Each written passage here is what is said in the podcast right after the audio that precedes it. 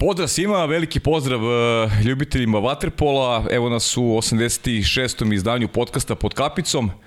Posvećen je regionalnoj ligi, posvećen je Waterpolo klubu Novi Beograd koji je osvojio trofej i drugi srpski klub koji je uspeo da osvoji to takmičenje i e, sa ovog mesta još jedno velike iskreni čestitke Waterpolo klubu Novi Beograd. Pre nego što predstavim gosta, verujem da vrlo dobro znate ko je, ko je sa mnom u studiju, da opravdam ove dve moje devojke koje danas nisu nisu ovaj u studiju, imaju svoje obaveze, tako da od uh, narednog podcasta verujem da će i društvo za stolom biti, uh, biti značajno brojnije. Uh, Vratimo se temi, vratimo se gostu, na moje veliko zadovoljstvo, Slobodan Soro, direktor Novog Beograda, drugi put e, gost podcasta, prvi put u ovom novom studiju. Slobodane, prvo čestitam e, na osvojenom trofeju u regionalnoj, regionalnoj ligi i za početak kako se osjećaš u ovom studiju, da li ti više prije odnosno da mi prethodni?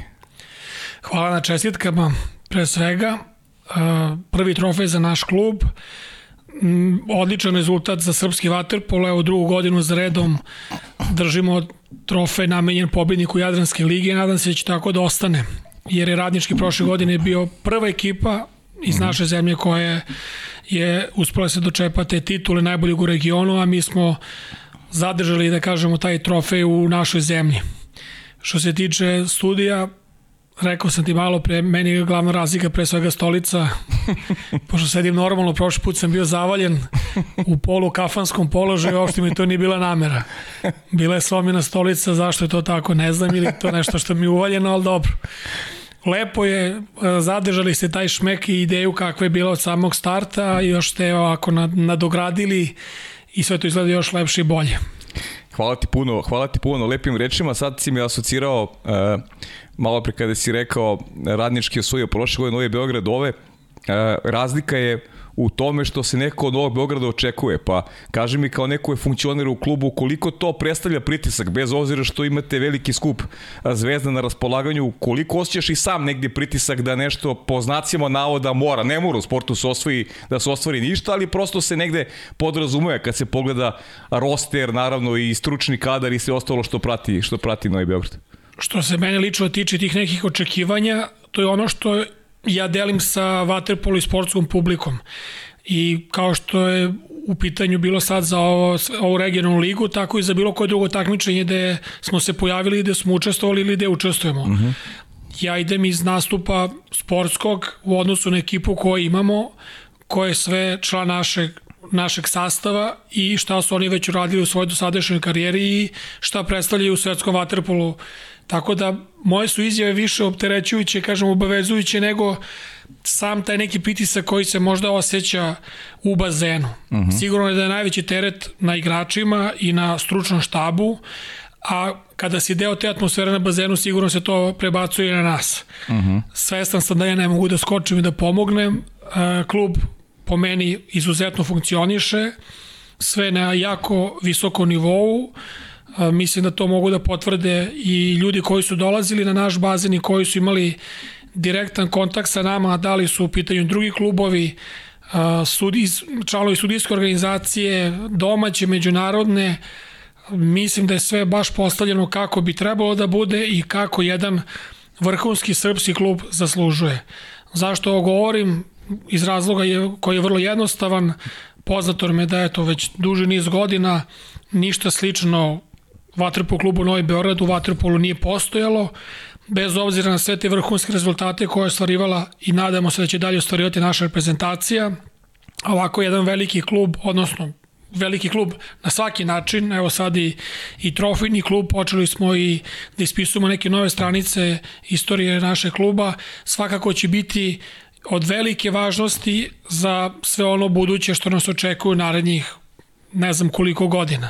Mhm. -huh. Tako da ozbiljna organizacija, ozbiljan pristup svakom mogućem problemu i svakom mogućem aspektu funkcionisa jednog vaterpolo kluba a, postoji. Ekipa je napravljena i ulazimo sad evo, u tu neku završnicu prvog, odnosno te neke godine gde smo na mnogo više nivou nego što to bio slučaj do sada i nadam se da ćemo u ovoj završnici samo finišu ove sezone uspeti da se dočepamo jednoga može dva trofeja. Uh mhm. -huh. Uvijek mi daješ neki šlagvord za, za, za nastavak priče, iako nisam želeo da idem ovim putem, vratit ćemo se posebno na taj finalni turnir koji je upravo Novi Beograd organizovao, ali e, sad u trenutku sam želeo da malo skrenemo temu s obzirom na ono što si rekao, koliko je teško kao jednom mladom klubu sada da kreirate jedan, jedan imidž u konkurenciji Crvene zvezde i Partizana, jer ja sam dugo u novinarstvu i bio sam svedok i nekim drugim sportovima koliko su najlizili na otpor e, klubovi koji nisu Crvena zvezda i Partizan, jer ovde nekako imaju primat e, i u navijačkom pogledu i kada govorimo o nekoj podršci pa i državnih struktura e, Crvena zvezda i Partizan, koliko je vama sada teško da se tu negde ovaj nametnete, a da opet ne štrčite da ne bodete oči ovim velikanima koji su onako malo i razmaženi, naviknuti da oni budu ti koji imaju, koji imaju prednost prednost u svemu? Ne mogu da kažem da sam nešto posebno obraćao pažnju na sve to što si sada uh mhm. -huh. rekao. Ima smisla, međutim ne mogu ni da kažem da sam tako nešto i osetio čim nisam o tome ni razmišljao nešto uh mhm. -huh. posebno. Ono gde se vidio najveću razliku i to je nešto što mislim da će vremenom da se promeni, to je neka naša publika koja nam donekle nedostaje, mi imamo priličnu popunjenost bazena, ali recimo u finalu kupa kada iz e, Kragujevca dođu navijači radničkog koji su uh mhm. -huh. deo sportskog društva, imaju veliku bazu svojih navijača, njima je lako da organizuju dolazak i da imaju adekvatnu podršku. Međutim, Novi Beograd je jedino vaterpolo klub, ima u svojoj, ovaj, u svojoj organizaciji ni pitaju sportsko društvo kao što je to Vojvodina, uh mhm. -huh. Partizan ili Zvezda, gde njima mnogo lakše dođu do tako neke konkretne podrške sa samih tribina. Što se tiče ovih drugih stvari, ono što je meni najvažnije je da mi funkcionišemo. Kako nas drugi gledaju, kako nas doživljavaju, mislim da je to ono priča za sebe i tu se dosta toga prepliče i ukršta i ima tu i pozitivnog i negativnog, ali ne bi se želeo, ovo što ne bi želeo da se bavim tim delom mm -hmm. i da uđem u neku dublju analizu, jer nije nešto što bi trebalo da nas zanima posebno, e, treba da gledamo sebe, da gledamo svoj rad, kvalitet svog rada, uslove koje pružamo igračima, da sve ono što je obaveza kluba i što je preuzeto potpisivanje ugora sa bilo kom od njih, s bilo kim od njih, da je to ispunjeno, da dolaze rezultati, da su rezultati onake kakvi bi mi želeli da budemo, da budu i da gledamo samo napred. Ovo sve bočno što se dešava, ja stvarno mislim da To samo može da nam uzima pažnju, da nam troši energiju i da nas odvraća sa puta i ciljeva koje smo sebi zacrtali. Mm -hmm.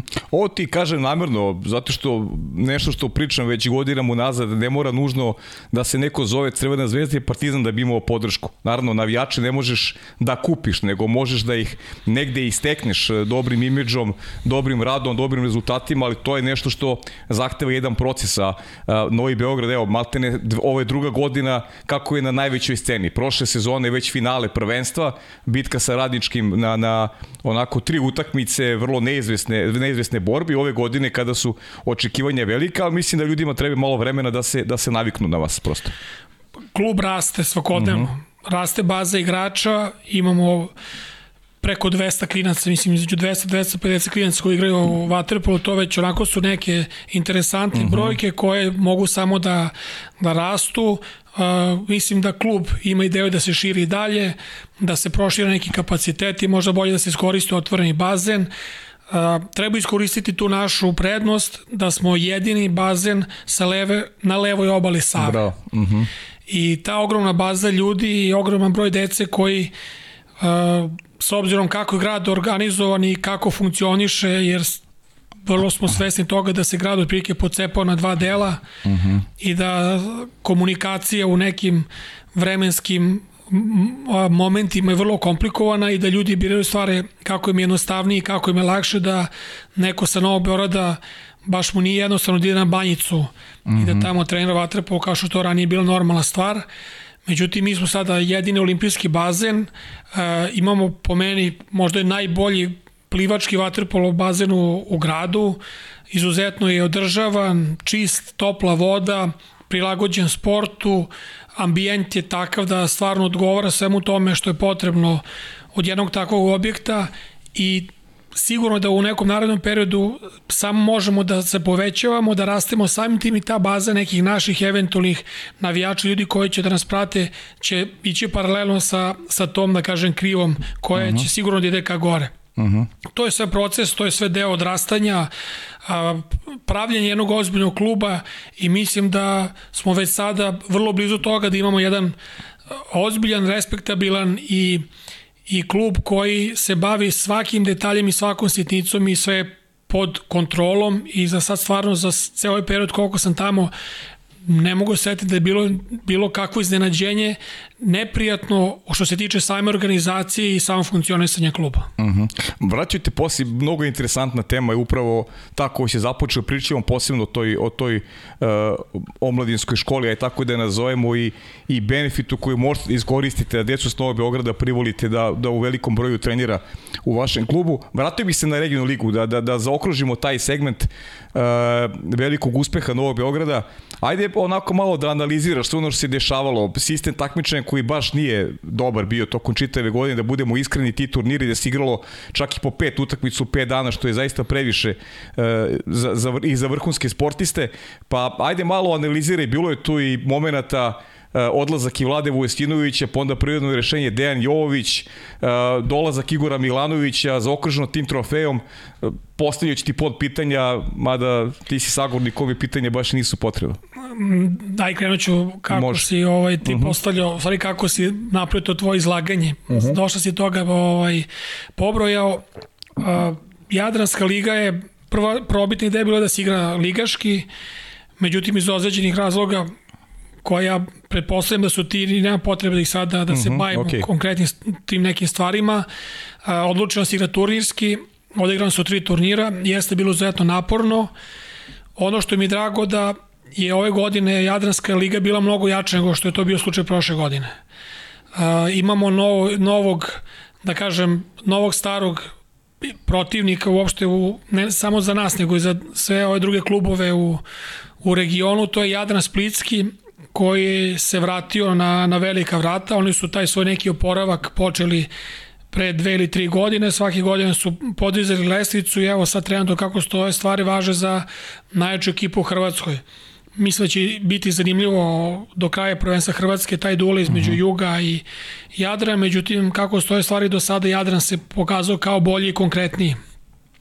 S naše strane, pored uh, nas, naravno radnički koji je igrao u polufinalu, na kraju završen na četvrtom mestu, Crvena zvezda, Šabac, Uh, Jadran Herceg Novi koji se pokazao kao izuzetno neugodan protivnik mnogim ekipama, isto tako ekipa Primorca, da mi pored eto tog jednog poraza, jedinog poraza koji smo doživeli u Jadranskog ligi protiv Radničkog u, u Budvi, desio nam se taj kiks, mogu tako da ga nazovem, da smo odigli nerešeno sa Primorce, međutim Primorac se pokazao kao onako tvrd orah ne samo nama, već i nekim drugim ekipama koji su isto na papiru za nijansu dve ili tri kvalitetnije i bolje. Uh, završen je ovaj ciklus Jadranske lige, ona će se igrati i dalje, mm -hmm. mi je želje iščekujemo, naravno želimo da odbrojimo ovaj trofej koji smo ove godine osvojili, kako će izgledati, još uvijek realno da se kaže, pred nama su dva reprezentativna takmičenja,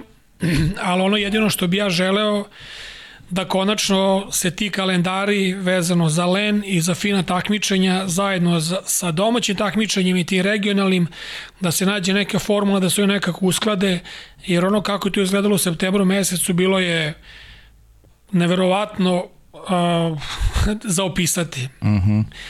uh, ukupan broj utakmica neko izašao sa cifrom od skoro 70 ili 80 utakmica gde momci koji igraju za reprezentaciju moraju, toliko utakmica odigraju u sezoni.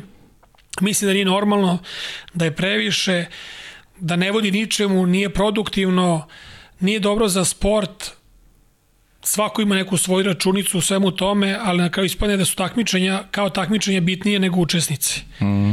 I to je neki moj utisak, ono što sam ja mogao da vidim, jer je normalno da jedna ekipa koja se stoji 15-16 igrača u nekim redovnim i regularnim uslovima a, dođe u situaciju da nema dovoljan broj igrača. Recimo mi evo sad imamo gostovanje u, u sredu igramo protiv Olimpijakos u Atini, verovatno mm -hmm. najvažnija utakmica u dosadašnjem delu Lige šampiona, jer eventualnom pobedom i poslala ga pobedom. Znam da ćeš pitati o tome posle. Pitaću, naravno. Da. Ne, nema vez, nema vez. Ali ovaj, dolazimo u situaciju da, da se da imamo velike šanse da budemo prvi u grupi Tako je. posle ovoga a, ligaškog dela Lige šampiona. Međutim, evo imamo dvojicu povređenih, Lahopoulos je slomio nos, odnosno mu je slomio nos na utakmici protiv Jadran Splitskog u petak, taj oporavak izuzetno nezgodan i traje. Uh -huh. Imamo Vučinića koji je na utakmici četvrt finala prvenstva protiv proletera iz Renjina mu je pukla tetiva na, na šaci, na malom prstu, tako da on još uvijek nije vraćen uh -huh. i mi smo u situaciji da idemo sa 13 igrača tačno koliko i, i možemo ovaj, uh -huh. da prijavimo i onda je ta neka brojka koja je standardna od 15, 16, eventualno 17 igrača moraš da povećaš do 20. Uh -huh i onda malo da raspoređuješ, da, odva, da odvadiš negde ovaj, nekog da odmoriš, nekog da opteretiš i sigurno da ćemo posle ove sezone da smo naučili te nek, tu neku veoma bitnu lekciju i sledeće godine ćemo se drugačije postaviti po pitanju toga. Misliš veći fond igrača? Veći da fond igrača je uh -huh. neophodan. Uh -huh. Ne moraju svi da igraju sve, i to su momci shvatili, tu nema doze nekoj sujeti, nekoj, kažem, ljubomori, što je neko igrao više ili manje, uh -huh.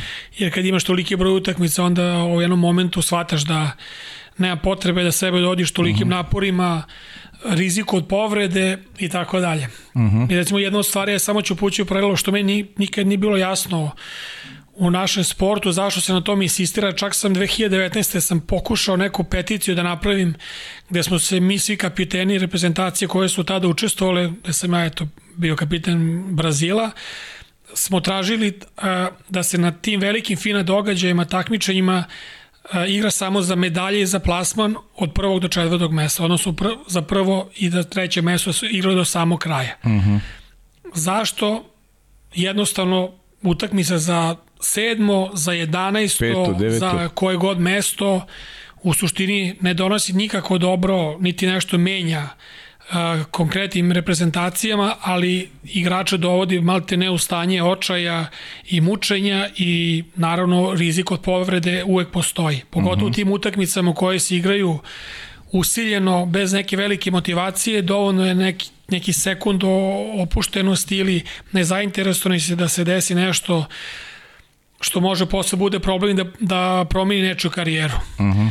Tako da svraćam se na ovu temu vezano za taj fond igrača i za sva ta takmičenja i sve to što, što, što je, ajde kažem, u, u kalendaru naše kluba, jer kako stoje stvari sledeće godine isto ćemo imati ta četiri takmičenja, takmičit ćemo se isto sve kao i ove godine, pa se tu negde provuče neka svetska liga, pa se provuku i neke pripremne prezentacije, pa da ne nabrajam i stvarno velika potrošnja igrača i a, mislim da im nije lako i to je nešto što bi moralo da se promeni. Uh -huh. Opet si mi sad dao šlaga. Ne, nemoguće s tobom držati se teme. To je, I, idemo, Ajde, idemo na... Prvo što, što si me pitao šta sam promašio, šta ti nisam rekao do ovoga vezano za Jadransku. Pa da, nisi mi rekao vezano za Jadransku, ajde malo da, da analiziramo ta dva polufinala, ali čekaj sad, kad si već započeo ovu temu. Uh, šta se dešava, čitamo sada svašta po, po medijima, da već Novi Beograd obolje pripreme za narednu godinu.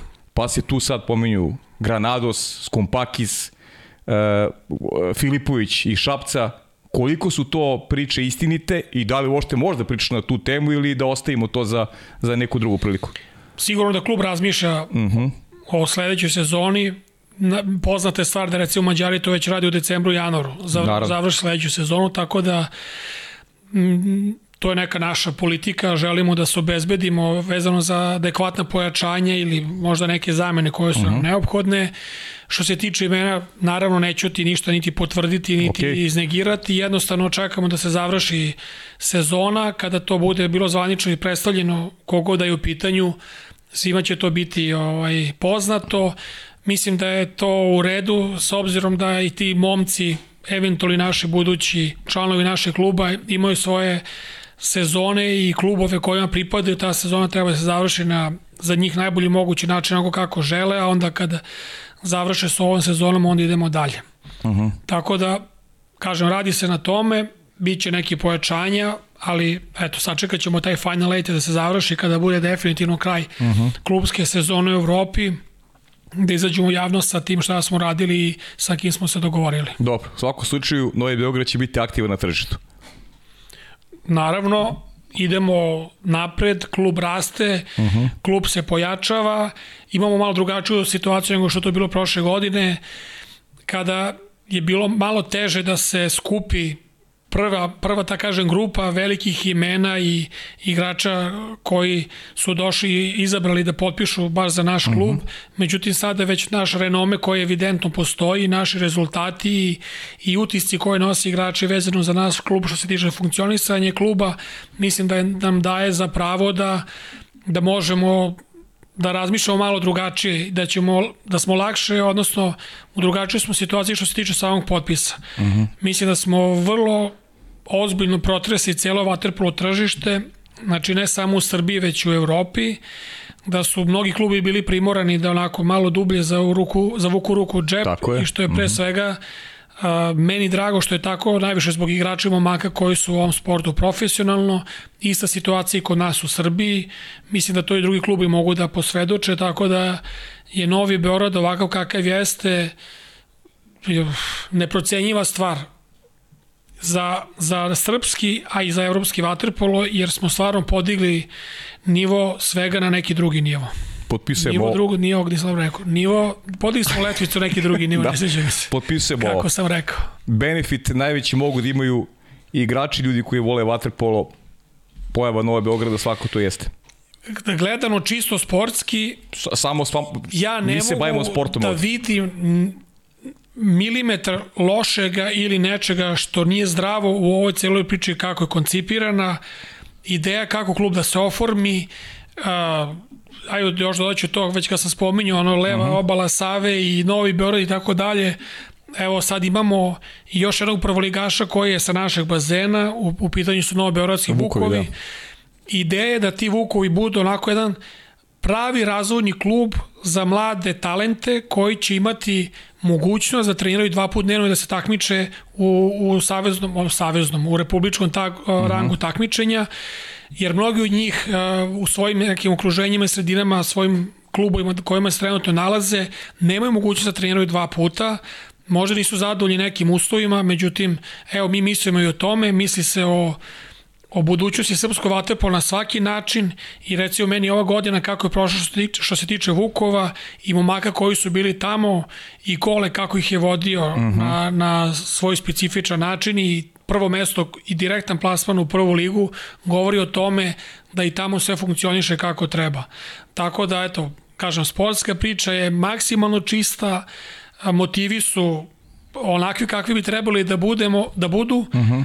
i mislim da je za, za srpski vaterpolo nešto što imamo sada, mi u klubu, ne znam, nije dugo vremena bilo, ajde neću da ulazim u poređenja, da li bilo nekada nikada ili tako dalje, ja mogu da pričam o onom Partizanu ili sa početka 2010-ih ili pre toga malo mm. ili obećaju iz mm. 2000-ih da i tamo koliko je to izgledalo uh, s polja da je onako najbolje moguće redu savršeno, bilo je problema.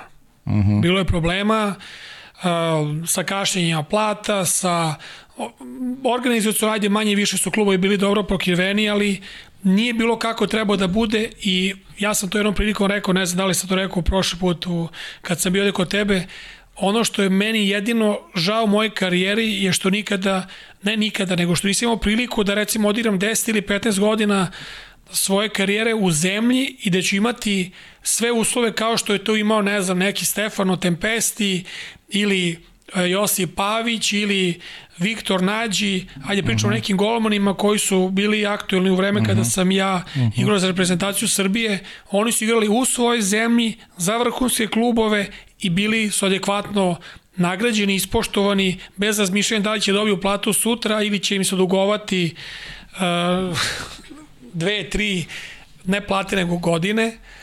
Jer sam ja sad u mhm. situaciji da sam ja rec, odigrao sam devet sezona za Partizan, devet godina sam igrao u Partizanu i poslednje tri sam, kako stoje stvari, odigrao besplatno. Sad, častio si Partizan? Pa nisam i častio, mi se dug postoji i dalje. Častio, pod znacima da. navode. Ovaj, ali eto, to je, sve sam objasnio.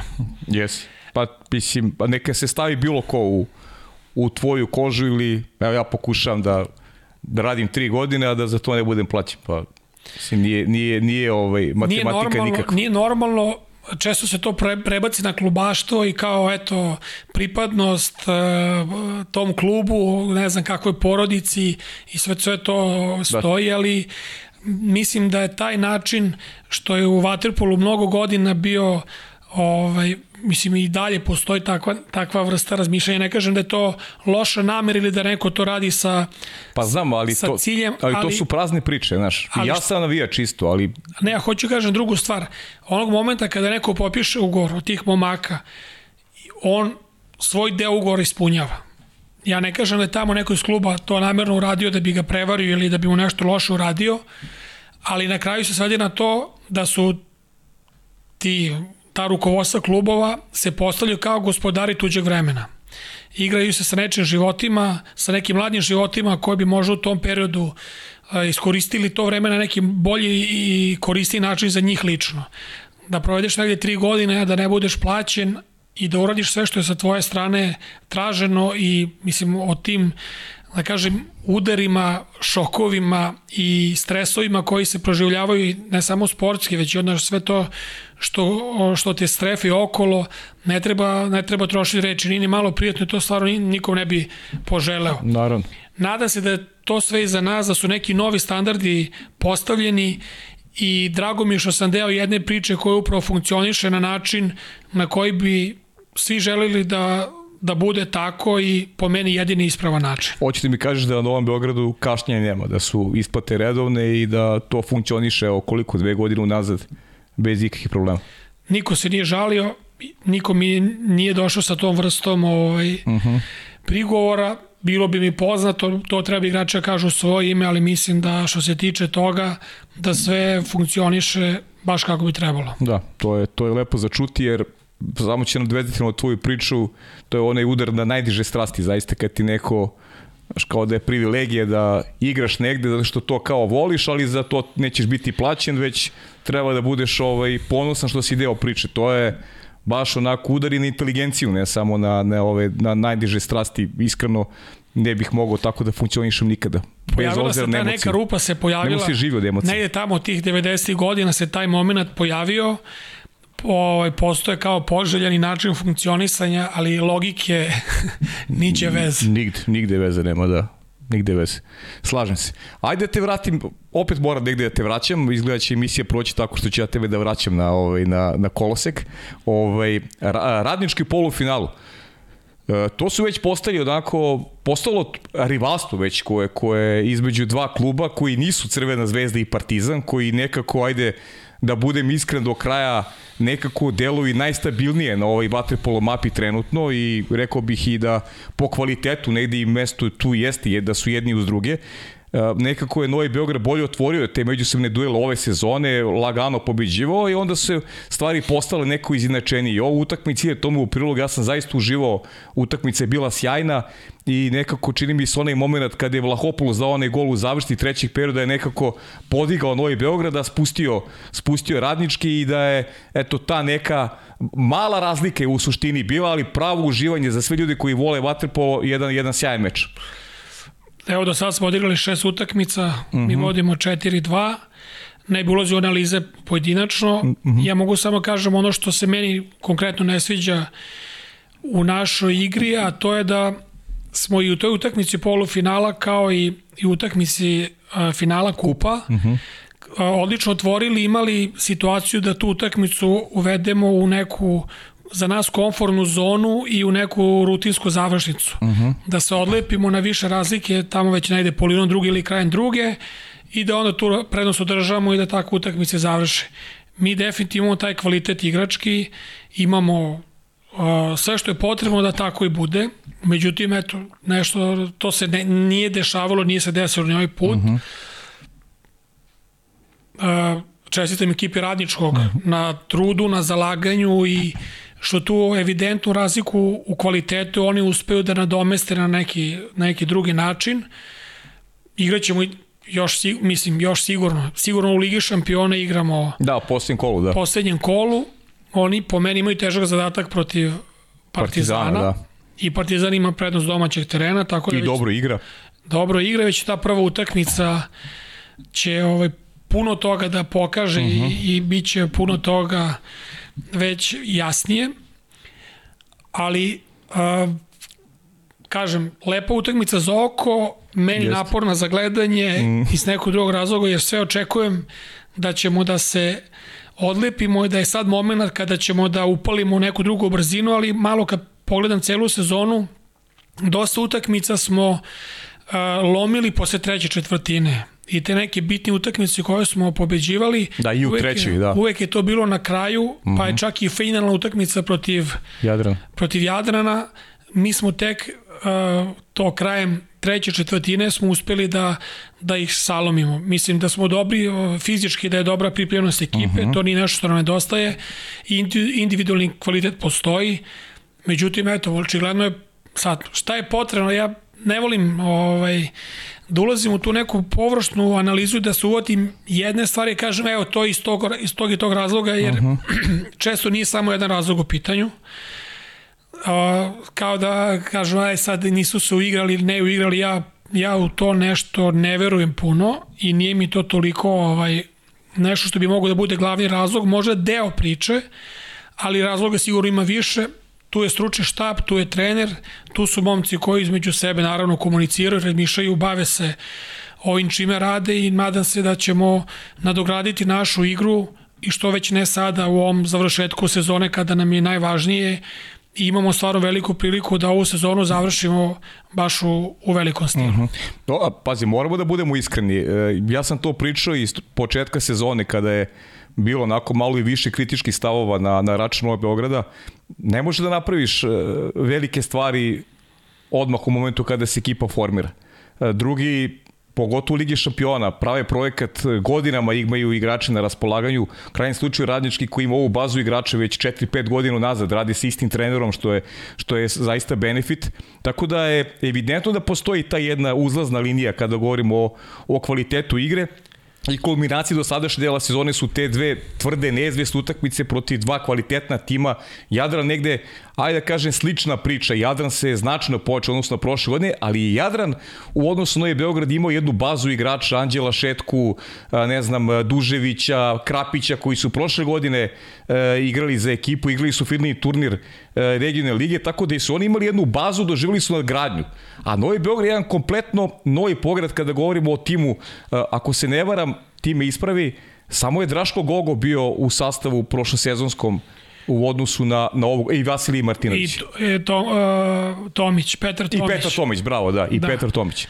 A, sve to stoji, ja kažem, sad možemo da odemo tu još svašta nešto, uh mhm. -huh. i olimpijske igre, i njihovo emotivno praženje, pa povratak u, u neku tu uh, takmičarsku klubsku sezonu i, i ja ću sad još da ti dam 4, 5, 6 uh -huh. razloga, ali uopšte mislim da to trenutno nije nešto na čemu treba, mislim ja pričam iz, iz ugla kluba, uh mhm. -huh. mislim ti možeš to gledaš kao novinarski, kao neko ko je uh, posmatraš sa strani, uh mhm. -huh. neko koji u materiji, ko prepoznaje te sve stvari, mislim da tek na kraju sezone možemo da podločimo crtu i da pravimo neke zaključke, da analiziramo detaljnije neke stvari, neke situacije. Međutim, trenutno moja jedina pomisao, ono što je ispred nas i što nas čeka u ovom narodnom periodu i jako malo ostalo do kraja sezone, evo danas je već sredina aprila, uh -huh. o, imamo još mes i po dana do, do kraja sezone. I uh -huh. u svemu to ima i ovaj finalni turnir Svetske lige, odnosno taj evropski turnir i ulazimo baš onako u finiš. Uh -huh.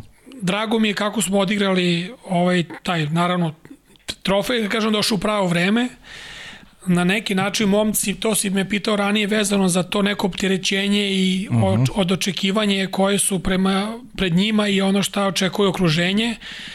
Uh, I to meni nije neko opravdanje, odnosno uh, ne mogu to da uzem kao neki od uh, glavnih faktora zašto nešto nije funkcionisalo, jer ako pogledamo pojedinačno te momke, oni su da kažem, rodili su se u takvom okruženju, da. već vratno ne sećaju se u nekom drugačijem ambijentu, koliko godina se već nalaze u sličnoj atmosferi i da se od njih očekuje nešto slično kao što je to i sada, ali sigurno je lakše kada se nešto desi što je očekivano i krene se dalje. Mislim, ja mogu da pričam lično, opet ovde malo i prolačim neku svoju igraču karijeru, da posle tih nekih velikih pobjeda ili nekih velikih trofeja osvojenih više sam osjećao dozu olakšanja nego, nego neku euforiju, neku radost i sreću uh -huh. kada se to stvarno i dogodi. Jer takav nam je sport, takav je srpski vaterpolo, tako smo vaspitani, tako smo formirani i tako guramo. Tako idemo kroz taj, kroz taj sportski život i kroz karijeru zajedno sa svim tim očekivanjima koji su konstantni, koji su ogromna. Uh -huh. Ali definitivno ovo što se desilo, prvi trofej, bili smo u tom nekom mraku, tako da ga nazovem kao u nekom tunelu koji je krenuo sa porazom u finalu kupa, pa promene trenera i sve to što je bilo umeđu vremenu.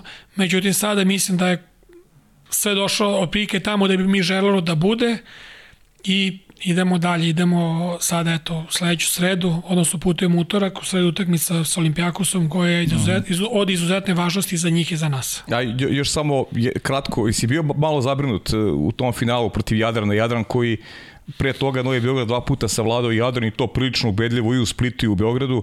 Opet ovo je bilo utakmica za trofej i očigledno da uh, Jadran takođe podiže nivo forme, osvojili su prvi trofij finale kupa protiv Juga, odlično igrali prvo polovreme, ali naveo si već ta treća četvrtina, tad je Novi Beograd počeo onako da stvari dovodi u neka očekivanja domaće publike.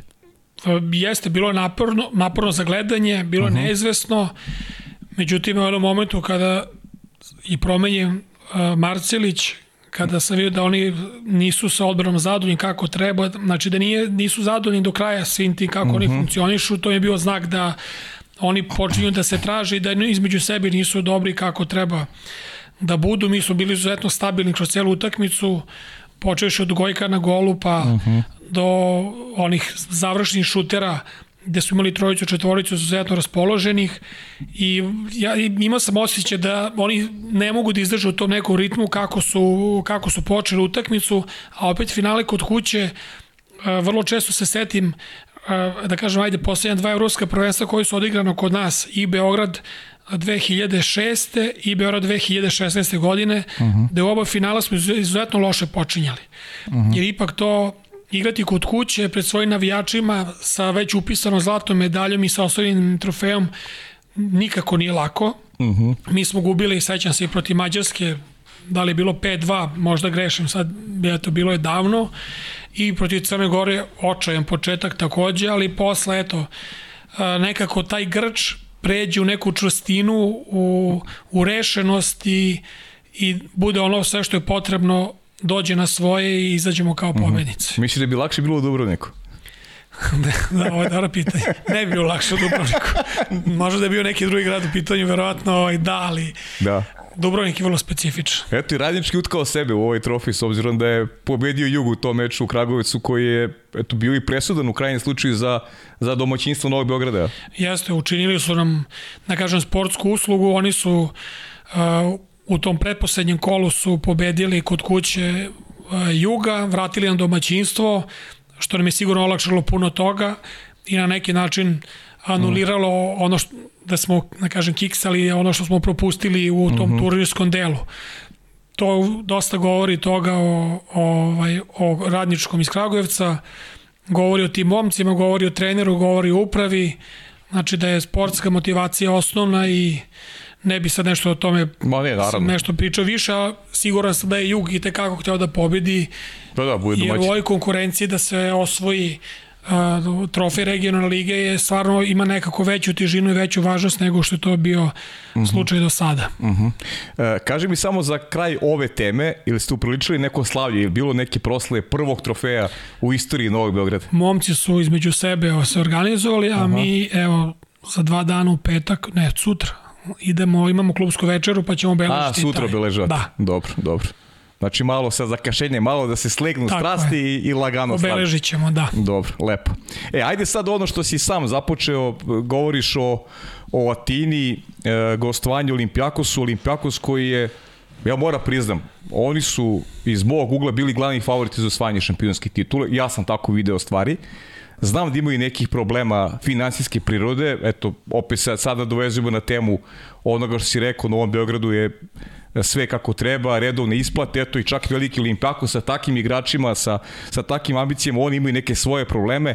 Otvara se prilika Novom Beogradu da, da bude prvi u grupi, što bi vam mnogo značilo da u četvrfinalu pa objektivno rečeno imate lakše protivnike, jer ova druga grupa je kudi kamo slabija od grupe u kojoj je Novi Beograd igrao.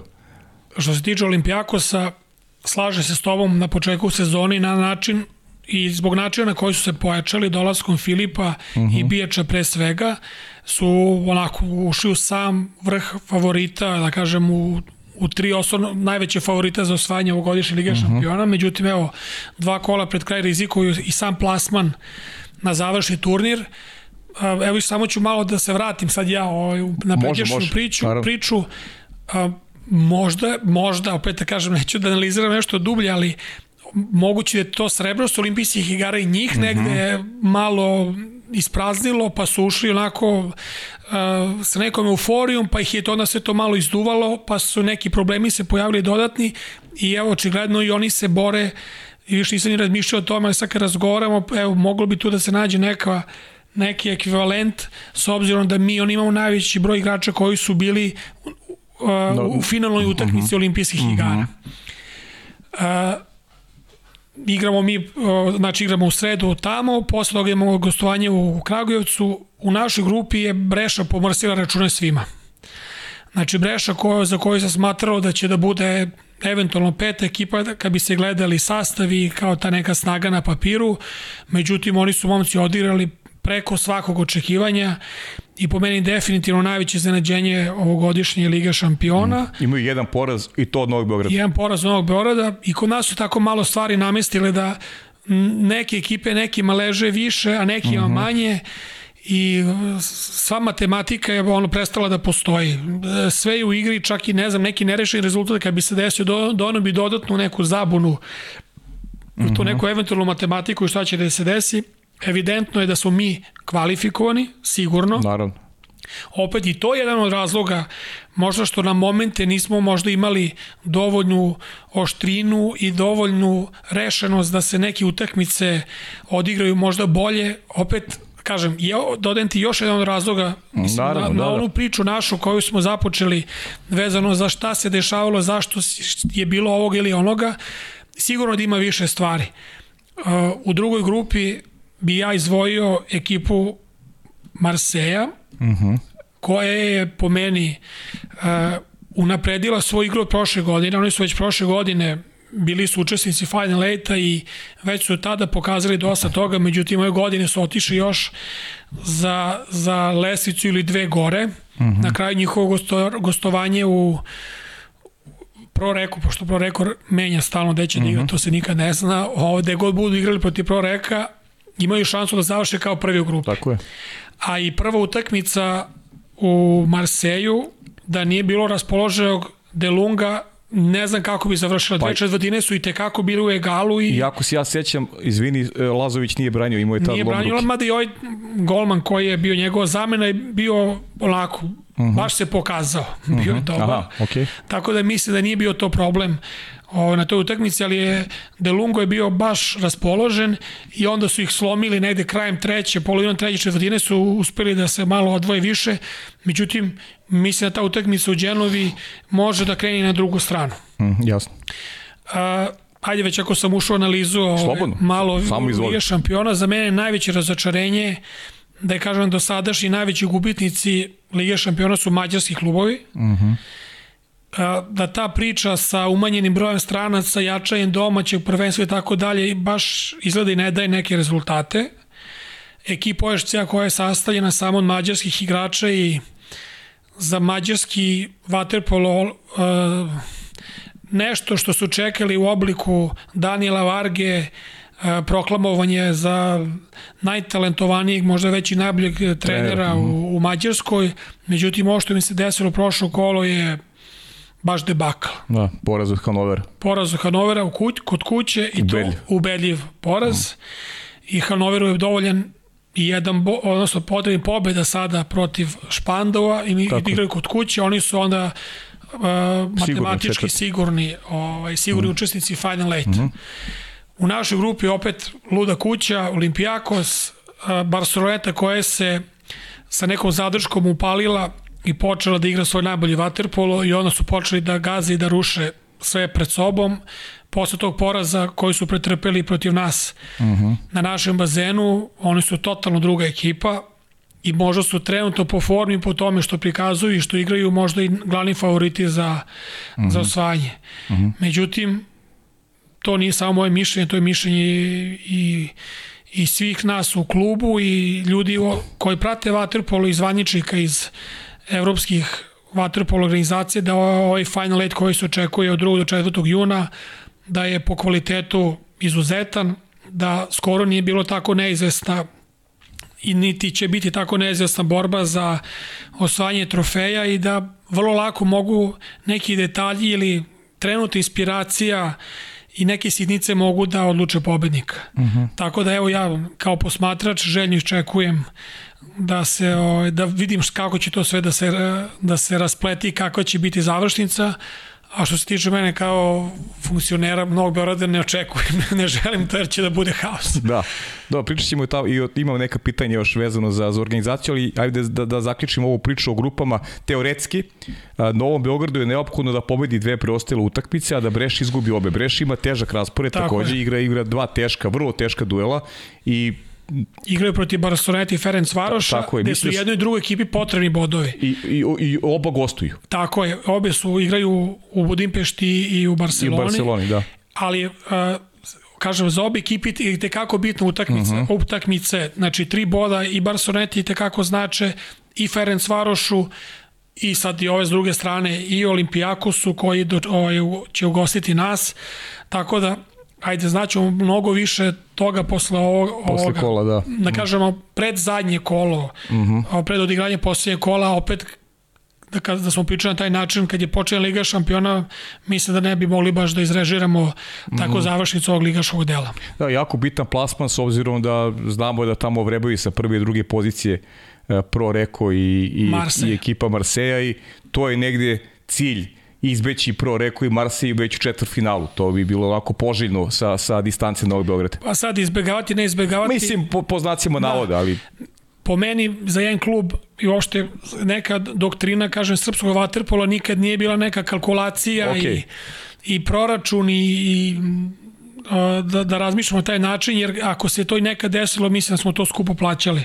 Tako da mi sa sportske strane svaki put smo stvarno motivisani, idemo na pobedu i kažem i ta pobeda eventualna protiv Olimpijakosa mislim da će biti dodatni vetar u leđa za našu, našu ekipu i i da doneće nam neki možda ekstra kvalitet u odnosu na, na već sve ovo što, što posjedujemo i kako trenutno izgledamo. Uh mhm. -huh. Kaži mi kada je u pitanju organizacije, da li možda nam otkriješ gde će se igrati finalni turnir?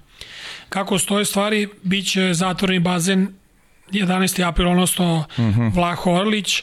Uh, jun je, promenjivo je vreme, uh, izmenjen je kalendar, mi još uvijek ne, nismo bili u situaciji da se pozabavimo tim malo ovaj, ozbiljnije, zato što prvo nismo znali kada će da se igra sam final, uh mhm. -huh. final eight, uh -huh. sad je to definitivno uh, mislim da je sigurnija varijanta igrati unutra nego izlaziti napolje. Bilo je stvarno u zadnjih par godina, koliko se sećamo tih nekih kišovitih finalnih turnira, mm -hmm. možemo samo se setimo Svetske lige 2019. i utakmice finale između naše prezentacije. Znamo, bili smo. Da, ja sam gledao televiziju. A, ja, da, ja sam. je strašno. još se nisi osušio. Da. Nisam, nisam još. Da. O, ovaj, tako da će verovatno biti zatvorni bazen, ali verujem da će biti onako privede nameni, da ćemo izvući naj, najviše od bazena, uh -huh. da mhm. može staje najviše publike, sa kako će to tačno izgledati ne bi, ne bi otkrivao detalje, ali okay, mislim da će biti onako ambijent uh, koji će odgovarati finalnom turniru najjačeg vaterpolo takmičenja. E sad, još jedna stvar me zanima, opet e, i koristim tvoj dolazak da proverim da li verodostojnost onoga što sam, što sam načuo. Beograd i sledeće godine domaćin. Da li je tačno da će biti i domaćin još jednog takmičenja za dve godine? Ili to prvi put čujem? Prvi put čuješ, a? Da, prvi put čujem. Okay. Znači znamo za sledeće godine sigurno To stoji, mi, mi smo sigurno. tri godine domaćini, prošle da. godine, da. znači uzeli smo taj ono, vru, vruć kamen iz vatre i organizovali Final Eight za vreme uh mhm. -huh. pandemije i sa svim onim merama i sanitarnim protokolom koji dalje na snazi i dalje se rade tamponi momcima i u ovoj sad situaciji kada mislimo da je sve to prošlo, da je iza nas, uh -huh. ali eto ta korona i dalje tu negde među nama. Momci moraju da rade PCR testove minimum 48 sati uh -huh. pred utakmicu da bi na dan utakmice radili brze testove. To su onako dodatni troškovi, to je dodatno opterećujuće za klubove, a što se tiče organizacije komplikuje dosta toga. Međutim, ove godine sigurno će organizacija biti lakša, da kažemo, bit će pravi Final Eight kakav bi trebao da bude inače. Biće i publike u krajnjem slučaju. Biće naravno publike, biće mnogo olakšana komunikacija sa ekipama, njihovi transferi, boravak u hotelu, ishrana uh -huh. i mhm. sve ono što je prošle godine predstavljalo problem. Rekao si boleće te glava toko turnira ili već počne boli glava, a ludiraš pre svega na, na ulaznice najviše, verovatno, to je... Kreće da spravim spisak, ovo, ali, ja mogu samo zapišem pa da pomogne ljudima da kupe, ali ne da. mogu ništa drugo da uradim. Šalim se, ima tu mnogo toga. Uh -huh. uh, pokušavamo da stupimo u kontakt sa, sa Lenom da bi nam dali neke smernice vezano za akreditaciju, za službene lica, broj noćenja. I to su neke osnovne stvari koje se ne vide golim okom i koje mogu da budu izuzetan problem i da zakomplikuju cijelu organizaciju. Tako da smo počeli da se bavimo ti nekim stvarima, čekamo ovaj, inpute pa da krenemo da slažemo, da slažemo stvari i nadam se da posle, evo i čak i ovaj Final Four Jadranske lige nam je bio onako mali uh mhm. -huh. test koji mislim da smo uspešno položili, da je sve bilo onako kako treba da bude, bez nekih, eh, ne bez ikakvih, ne neki, nego bez ikakvih pritužbi na samu organizaciju, na tretman prema igračima, gostima, publici, sve što je bilo potrebno, sve što treba da bude, mi smo ispunili svako očekivanje i na kraju videlo se da je sve to bilo na vrhunskom nivou. Znaš čega se samo plašim, moram ti kažem iskreno, da ne bude malo mesta za, za publiku. Negde očekujem da će biti zaista veliko interesovanje i toga se, toga se plašim samo da ne bude da ne bude mali bazen za sve one koji, koji to žele da vide. Neka bude pun bazen, evo, to je meni, a siguran sam da hoće. Mislim da će biti sigurno da. pun bazen. E sad šta je tu je? Šta, da, da. mislim ja kažem, mi ćemo se potruditi da kapacitete bazena povećamo, Pro, uh mhm. -huh. da se ako je, je to moguće, uradit ćemo sve što je potrebno, da napravimo pravi ambijent i pravu atmosferu i da je to svi ljubitelji vaterpola koji žele da ogledaju taj turnir kod nas u tome ne budu, odnosno da, budu omogu, da im to bude omogućeno.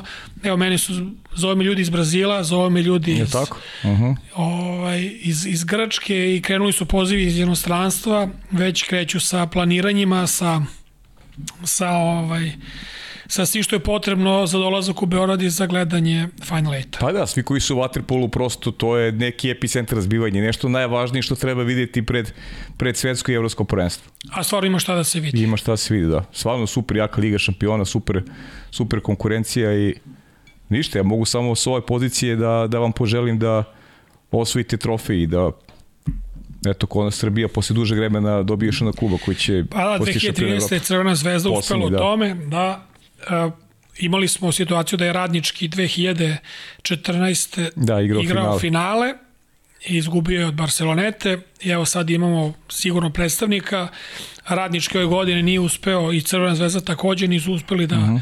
prođu grupnu fazu međutim pružili su kvalitetne partije u odnosu na, na svoje mogućnosti i na, na svoj igrački sastav u odnosu na to kako se, kako se kutira odnosno druge uh mhm. -huh. ekipe ali ono što je bitno da, eto, da su neki mladi igrači koji su i u Kragujevcu, odnosno u Radničkom i u Crvenoj zvezdi dobili priliku da osete taj ambijent Lige šampiona, da igraju na vrhunskom nivou i da ne budu topovsko meso kao što je to bilo bio slučaj pre 3, 4 ili 5 godina. Uh mhm. -huh.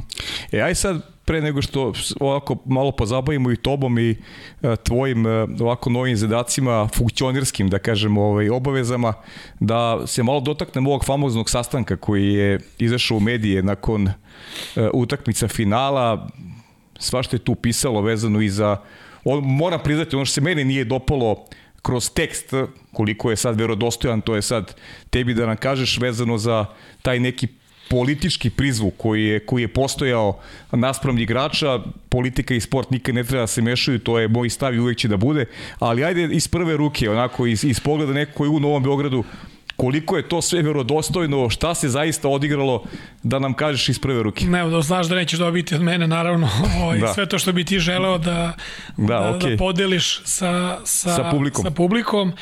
E, imali smo sastanak koji je normalan i običajen relacija uprava i igrači, uh mhm. -huh. da se neke stvari onako sumiraju, neki utisci, uh, da se podele neka, neka viđenja, mišljenja, što je onako neko prirodno, prirodna stvar i normalna stvar, uh mhm. -huh. da se napravi neki presek stanja, da se vidi šta nas čeka dalje, šta može se popravi, ajde sad da, da ne, ne moram više da govorim ništa, ali ono što se meni nije dopalo da, da je nešto što je loše prepričano sa tog sastanka a, uzeta, uzete su samo stvari kako su kome odgovarali, tako su plasirane uh -huh, i prezentovane. Uh -huh. Meni žao što je na eto, jedna prelepa sportska priča, neću, skoro bi iskoristio reč savršena, pošto uh -huh. za sad stvarno to, to sve tako izgleda, uh, okaljena iz nekih uh, drugih motiva i nešto što nema veze sa sportom i nešto što ne bi trebalo da bude povezano za sport i nadam se da je to, ta priča završena, da možemo da krenemo dalje. Mislim, mi već i ja smo krenuli dalje i, kažem, gluvi telefoni i da je neko onda ovaj, sebi dao za pravo da protumači nešto što je načuo i da tome svemu da neku dimenziju kako, kako njemu odgovara. Uh mhm. -huh. To je ono što sam ja video u novinama, jer ja to mogu da dam svoju ocenu, jer mislim da sam, da sam merodavan, jer sam bio prisutan na tom sastanku i eto, meni je žao što eto bilo šta s tog sastanka kao informacija se pojavila, ali totalno nepotrebno i žao mi je zašto ljudi ne vide ono što je najvažnije u ovoj celoj priči je da je naš vaterpolo, srpski vaterpolo dobio nešto što je toliko godina čekao i nešto što na svaki način zaslužuje. Uh mhm. -huh. Da li je to Novi Beorad ili neki drugi klub ili možda dva ili tri kluba kalibra Novog Beorada, to bi bilo još bolje i da je to ono što je osnovno i što je najvažnije da neko pokušava da okrenji i da, da poremeti i da uradi nešto loše iz neke, neko, iz neke druge motivacije misle da je jako loše, da je jako ružno i da je totalno nepotrebno. Uh mhm. -huh. Eto, na tome, neka na tome stanemo. Na tome ćemo stanemo. Ok, ja samo moram da, da odgovorim na pitanja koje sam lično dobio, s obzirom da je između ostalo kući koja ja radim taj tekst izašao, pa dobio sam pitanje da li sam ja autor tog teksta, mogu samo da odgovorim da tokom karijere novinarski nikad nisam ovaj napisao nepotpisan tekst, tako da eto, to je, to je moj odgovor za one koji su mi postavili pitanje tokom, tokom prethodne nedelje. To je to. Uh, idemo onda, idemo dalje uh, vezano za uh, školu, vaterpolo školu Nove Beograda i ono što si načeo kao temu koja je vrlo interesantna, znamo obojci, ti si sa mnogima igrao momcima koji su stasali na Novom Beogradu, a dolazili su što na Banjić, što na, na, na Tašmajdan trenirajući e, sada ovim klincima eto, olakšan taj, taj put. Imaju 11. april, imaju klub koji funkcioniše, imate veliki broj trenera. Pa mi aj malo da nam pojasniš tu strukturu, e, koliko ima trenera zaposlenih u školi, koliko ima dece, da li se već onako naziru neki plodovi tog, tog rada u smislu a, a, prometa, to jest uh, ulaska tih igrača u te mlađe repestivne selekcije, koliko već imate tu razloga da budete ponosni na, na taj deo priče? Znaš ako da ja sad ne bi ušao neki deo kojim se ja trenutno ne bavim, uh mhm. -huh. znači moje obaveze vezano za klub i neki moj posao je više okrenut ka prvoj ekipi i svemu što je njima potrebno za njihovo normalno funkcionisanje. Uh mhm. -huh. Kroz vreme je ta neka moja obaveza i taj moj posao je dobio menjao neki svoj oblik, ali sam u većoj meri orijentisan ka tome.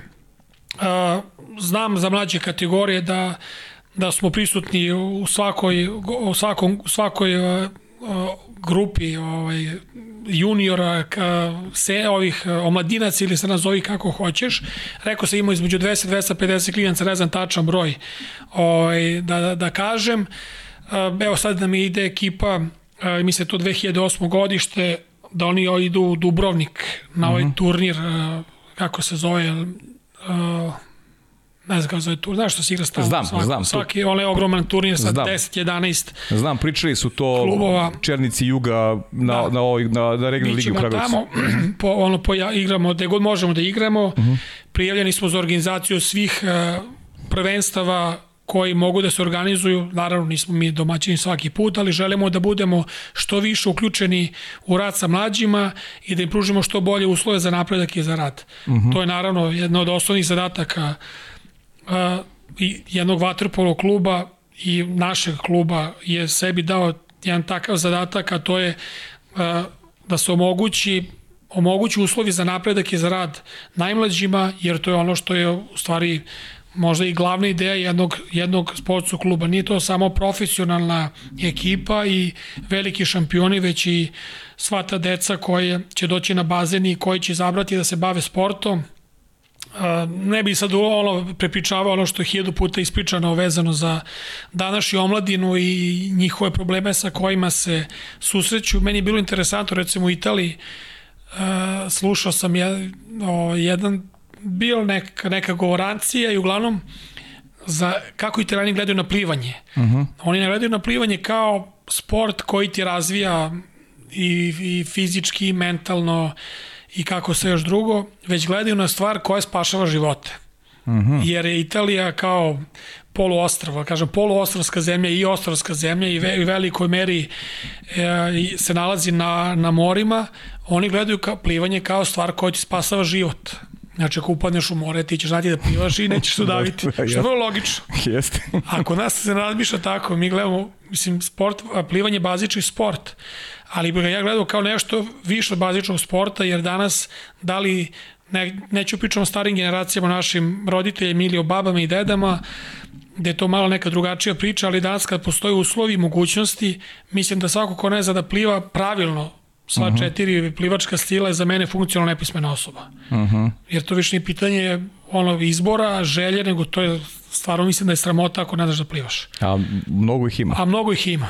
Mm. I osim Vatrpova kluba, mi naravno imamo i plivački klub koji radi uh mhm. -huh. punom parom ovaj, na, na, na bazenima Vlah Orlić, prošli vikend je bio veliki međunarodni turnir, uh -huh. bazen je pun svako popodne, svako jutro, da kažem, na neki način nije vaterpolo dominantan kao što to možda na banjici ili na nekim drugim bazenima. Znači, drugi sportovi su i tekako dobili dovoljnu pažnju, pažnju koju zaslužuju. Znači, plivači su da kažem, namireni po pitanju termina i onoga što njima potrebno na adekvatan način. Uh mhm. -huh. Tako da se radi punom parom i na, na više frontova. Znači nije samo kao, e, ovaj, Novi Berat je vaterpolo klub, nije tačno. E, dotako si Italije, ovako tema koja je zemlja, tačnije koju, za koju si vezan, e, branio si u Rimu ove, ovaj poslednji period svoje karijere. Iskreno ti kaže, ja sam očekivao da će možda još neka godina ovaj, da, da, da prođe ovaj, sa tobom na golu. Spremniji si od, od mnogo mlađih od sebe, ali ipak si odlučio da, da završiš karijeru. Za, mora ti priznati da je za mene bilo pomalo iznenađujuće kad, kad sam čuo da, da, da je kraj. Nisam završio što sam se loše osjećao fizički. To, to, to, to sam siguran. Da, ali je ovaj, priča je drugačija. Čerka e, koja je ovaj, sad će još malo napuniti 7 godina, razdvojenost, uh -huh. ovdje ide u preškolsko, ja sam tamo, pa mislim da je to pre svega, pa sve ostalo. Uh -huh. ovaj, znači, porodični razlozi osim toga, u Waterpolu je situacija takva da ako hoćeš da imaš neku računicu finansijsku, onda moraš da upariš reprezentaciju i klub. Znači da ti sa dve strane dolaze neka, yes. neki -hmm. prihodi, kada je to u pitanju samo klub, onda je to do jednog momenta, do jednog momenta prihvatljivo, a posle toga uh, život ide svojim putem, ne pitate da li hoćeš ili nećeš, mm -hmm. moraš da se aktiviraš na druge strane da bi sebi obezbedio egzistenciju i normalno funkcionisanje. Tako da ja sam neku svoju računicu napravio da je vreme da, da se možda pozabavim nekim drugim stvarima u životu. Dobio sam ovu ponudu koju sam prihvatio. Uh, izuzetno sam zadovoljan uh, pruženom, pruženom prilikom i sve svim tim kako to do sada izgleda uh -huh. uh, i sa željom i s velikom željom i velikim iščekivanjem uh, idem napred i gledam šta mi sve ovo donosi ta neka druga vrsta profesionalnog angažmana u sportu, a bilo mi recimo, to mi je smešno mi je bilo to, -huh. ovaj, pošto ja svuda putujem sa ekipom i na neki način sam zadržao taj životni ritam putovanja što mi te kako prija, lepo uh -huh. putovati, malo se ovaj, mrdati, videti neke druge gradove, jesti malo drugačiju hranu i sada da ne nabrajam. i vraćali smo se iz Splita autobusom, završili smo utakmicu uveče oko 8-9 i odmah smo ovaj, krenuli sa sve lunch paketima u kesama i negde oko 5-6 ujutro stižemo na granicu sa, sa Srbijom, izlazimo iz autobusa radi pasuše kontrole i mislim da me baš Gojko Pjetlović uh mhm. -huh. pitao, ovaj, kaže, si umoran. Ja ovako nešto razmišljam se. Pa rekao, pa i nisam baš. I onda se setim, ali nisam igrao utakmicu. Znaš, falio mi samo taj deo. Da, da, da. Tako da mi sad u suštini imam sve, sve isto, ali ne igram utakmice. Uh mhm. -huh. Tako da mi je ovaj, dosta toga olakšano. Da li mi fali taj adrenalin i to što momci imaju, a ja nemam naravno da mi fali, mada se tu i tamo delom se malo grebemo njih i tu atmosferu i, i sam ambijent i neke važnosti utakmice, naravno da se prenosi na mene, tako da lepo mi je, dobro mm -hmm. je. Znaš kako, ti ja se dugo znamo, ali novinar sam, pa prosto moram da proverim neke stvari da pitam, prosto to mi je, to mi je posao, pa sam onda čuo Soro je, možda ga nađeš na bazenu maltene tokom čitavog dana, uh, Znači da si tu novu funkciju prihvatio sa, sa onako dosta emocija, sa pozitivnim stavom.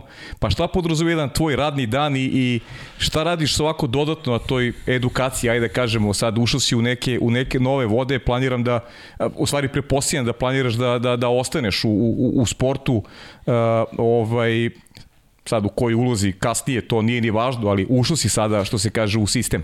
Pa daš ako, što se tiče bazena, nekad je neophodno da budem malo više, nekad manje, sad opet nije to nešto što je onako, nemam fiksno radno vreme, što je meni isto od, uh mhm. -huh. odgovara. Ima želju da se zadržim u sportu i da ostanem, da, da kažem do kraja, da je uh -huh. kraj ne znam. Uh -huh. a, a, što, mi je, što mi se dopada u ovom trenutnom mom angažmanu je prolazak kroz te, kroz te neke rutinske stvari koje mi mislimo da su rutinske, ali opet treba da se prođu i treba da se dođe do nivoa rutine. Uh -huh. Na što se tiče komunikacije, organizacije, uh, sve što može da se desi, sve što prati da kažem, jednu profesionalnu ekipu kao što je ovo koju imamo mi. Uh -huh. uh, bavim se možda i nekim stvarima koje, kažemo, starter mi nisu bile predviđene ili namenjene, ali kada sam dobio taj deo, ja sam to prihvatio sa zadovoljstvom, jer mi na neki način širi vidike i nisu neke stvari koje su teške, ali su onako dosta pipavi i treba obraćati pažnju na dosta detalja. Uh mhm. -huh. Ono što mi se odgovara su opet i ti kontakti vezano za sudijsku organizaciju, delegate, predstavnike drugih klubova, mm -hmm. gledam malo kako su drugi klubovi organizovani, kako sve to izgleda na nekim drugim mestima i na neki način priklupam, pri, priklju, Prikup, priku, prikupljaš, prikupljaš. dobro, dobro. Prikupljam, uh mhm. -huh. prikupljam informacije i nekako širim taj svoj, svoj vidokrug svega što sam imao ranije, uh -huh. ali mhm. ipak sa ove strane to malo izgleda drugačije. Neću kažem ni da je teže, ni da je lakše, ali je jednostavno drugačije. Uh mhm. -huh. I to sam tako prihvatio, znači neophodna kilometraža koju moram da pređem da bi došao nivo, do nekog nivoa kada ću možda moći da budem, da kažem, od veće koristi za, za ovaj sport i na kraju pitanje i, i, i mog kvaliteta i, i još mnogo stvari koje mogu da odluče o tome koji su moji krajnji dometi. Mm -hmm. Znači, sad kad bi te pitao gde vidiš sebe Ovo, bilo bi malo precizno pitanje u narednih 5, 6, 7, 10 godina. Znaš meni, ja bi povukao tu paralelu nekog sa svojim igračkim, uh, uh -huh. igračkim iskustvom, gde ja nisam nikad imao neki cilj kao, e, ja hoću da budem svetski prvak ili hoću da budem evropski ili osim uh, kup li ili ligu šampiona ili hoću ili ovo ili ono, nekako meni je kroz moj rad i kroz neku tu svakodnevnicu i kroz posvećenost i, i trud su meni dolazili rezultati. Uh mhm. -huh. Tako da isto razmišljam i sada, otprilike ista stvar u pitanju, po pitanju te neke motivacije i kod mene jednostavno to tako ne funkcioniše. Uh mhm. -huh. Ne razmišljam na taj način, nisam sebi zacrto neki cilj, ali mislim da ću sa pravim pristupom, sa temeljnim radom i sa posvećenosti sigurno do nekle stići. E, znaš što se teo ti pitan, kako izgleda tvoj pogled e, nekoga sa strane, sad više nisi u bazenu, šta treba uraditi da se da se ceo pogled na vaterpolo neku napredi, da vi koji sada treba da obavljate te funkcionerske pozicije, uslovno rečeno funkcionerske, šta treba da uradite da poboljšate e, svest o tome koliko je vaterpolo značan generalno za ovo naše društvo konkretno, e, pristup, ne znam, i medijima, afirmacija sporta je ono što tebe moram da pohvalim, da iskoristim ovu priliku. Uh, dakle, ta poslednja saradnja koju imamo ti ja konkretno i znam da si takav i prema drugim novinarima je sjajna, uvijek si otvoren za komunikaciju, za, za priču o vaterpolu, što mislim da mora bude apsolutno praksa svakog učesnika uh, u, u vašem sportu. Možda malo agresivniji pristup nego što, što su imali tvoji prethodnici. Da li razmišljaš u tom pravcu koliko na taj način možda pomogneš da, da vaterpolo stekne neku, neku bolju sliku, uprko se rezultatima, mislim da ona nije adekvatna slaže se s tom, pogotovo s ovom poslednjom rečenicom koju si sada ovaj, koji si rekao, mislim da je tema je ogromna.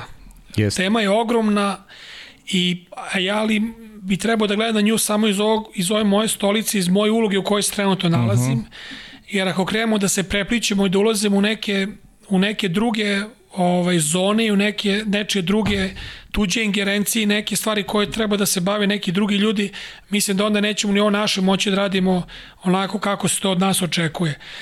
Tako da ovaj deo što si rekao za novinare, za, za sliku u javnosti, mislim generalno ja lično sam imao taj nastup i dok sam bio igrač jer sam smatrao da je i to pojavljivanje u medijima i na bilo i bilo koja druga vrsta pojavljivanja a da to nije bazen uh -huh. da li u pitanju bilo nešto humanitarno ili nešto vezano za sponzor ili me, šta god može da bude da je jednostavno deo posla kao što i trening znači uh -huh. ja nisam između te dve stvari tri, četiri, koliko ih ima nikad nisam pravio razliku mislim da što se tiče Novog Beograda da je jako ozbiljno pristupljeno toj a, temi medija naše konferencije za novinare koje svi vi novinari znate kada se održavaju, da se one održavaju svaki put bez obzira na, na protivnika i na utakmicu.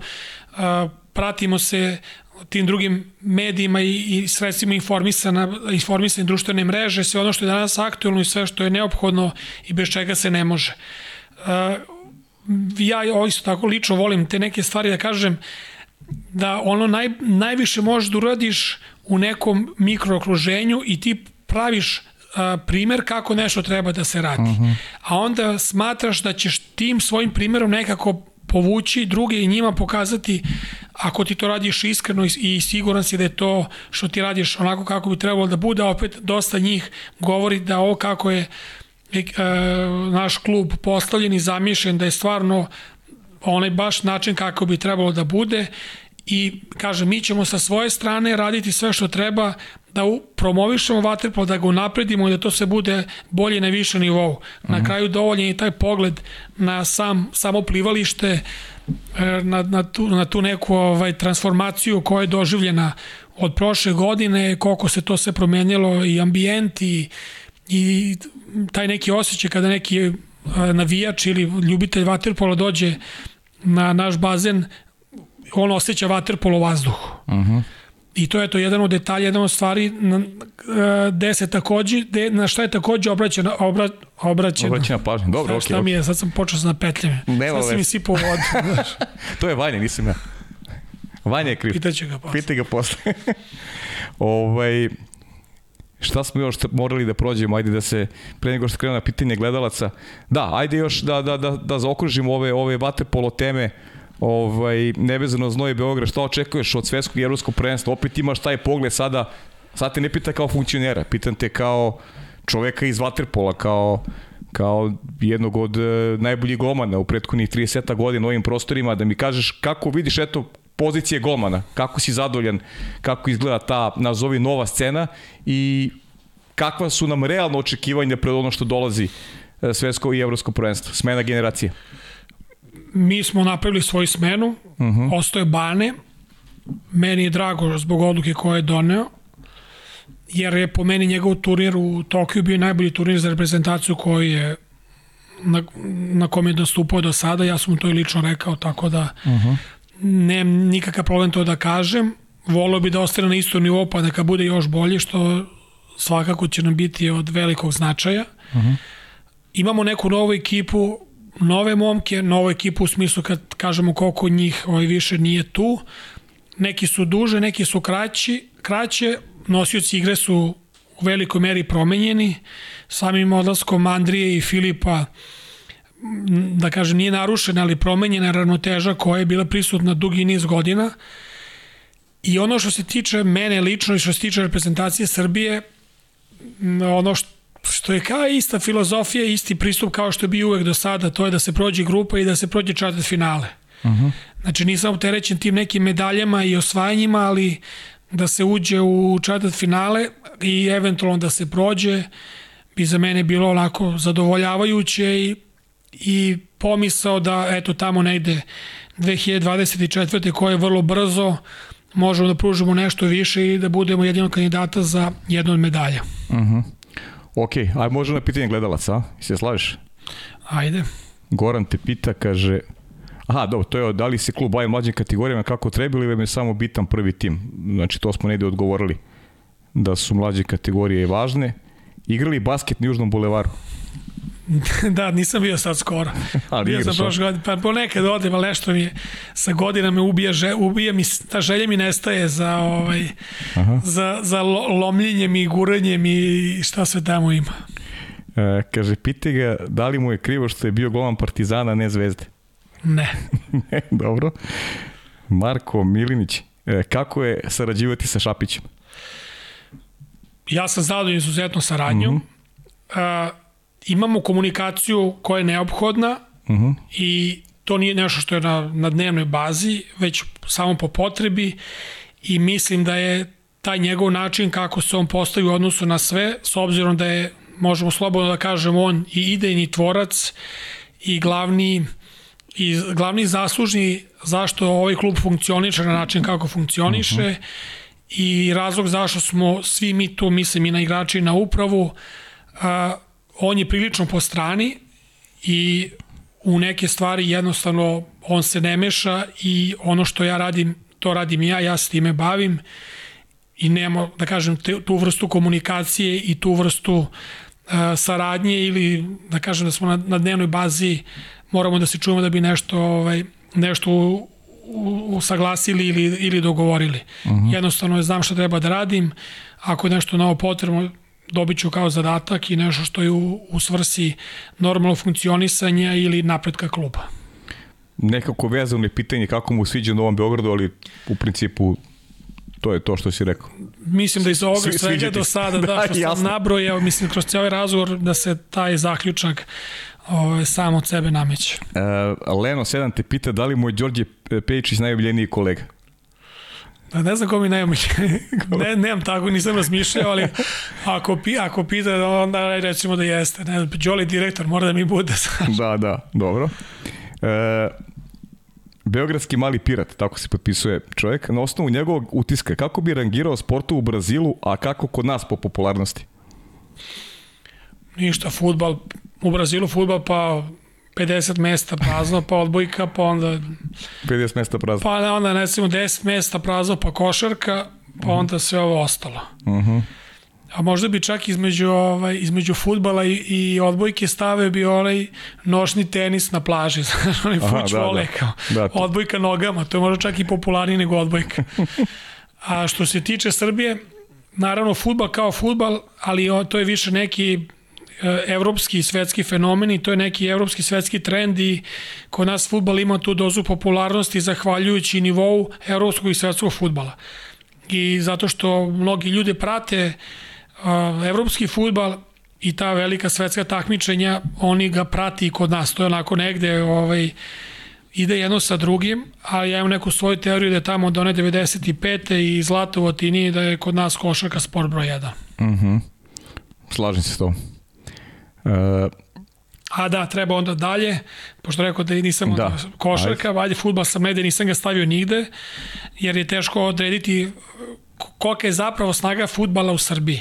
Mm. Prisutan ima ga, ali je zbog stranih, stranih faktora imao ovaj veću popularnost nego što bi možda imao. Košarka I onda bi ja tu možda već stavio vaterpolo, zahvaljujući uspesima reprezentacije na kraju i nivom i kvalitetom klubskog vaterpola, mislim da smo mi odmah posle košarke. Mm -hmm. Žao mi što odbojka nema sreću, kao što imamo mi, da ima bar jednog ili dva predstavnika, mislim, mi imamo predstavnike koji se takmiče u evropskim takmičenjima, ali e, nemaju zapaženi ulogu i nisu neko ko, ko može da, da napravi neki bolji rezultat u, u, u takvoj sezoni. Da, ali ovo je sad trenutno stanje. Koliko dugo ni u Waterpolu nije bilo ničega prazno hoda kada govorimo o evropskoj konkurenciji. Sad se neke stvari menjaju, ali opet to je, to je onaj strah nekoga ko je dugo u sportu, pa onda znaš kako postoje ta amplitude, znaš, ti, ti futbol, šta god da se dešava, ti znaš da će sredstva biti Pa to je ono što smo pričali, Partizan i Crvena zvezda u futbolu će imati neke, neke, neku podršku finansijsku i tako dalje, a Vatrepolo se samo plašim da, da,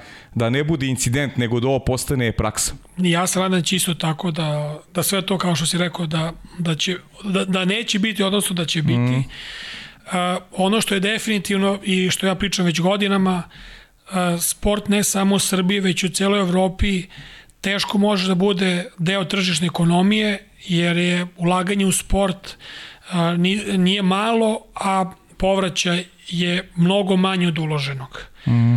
A, u jednoj zemlji kao što je Srbija, sa svojim ekonomskim potencijalom i sa tržištem koje pruža, mislim da tu nema puno prostora za neke velike sponzore, na kraju krajeva i ta neka, ajde kažem, industrija piva koja je u futbolskom, u futbolskom svetu je i kod nas zato što je to trend iz Evrope i sveta i sve te neke naše pivare koje sponzorišu, da kažem, i našu reprezentaciju, sve to je deo nekog globalnog trenda. Uh mhm. -huh. Znači, tamo gde imaju veliki sponzori, odgovori su na neko drugo mestu, ali definitivno za sport mora da se nađe novac i da on kao takav funkcioniše i mora da bude na nekom pristojnom nivou, jer kako sport krene da kreće, profesionalni sport ako krene da se urušava, urušit će se i ona osnova i baza svakog sporta jer će se gubiti interesovanje i bez sportskih idola i tako dalje.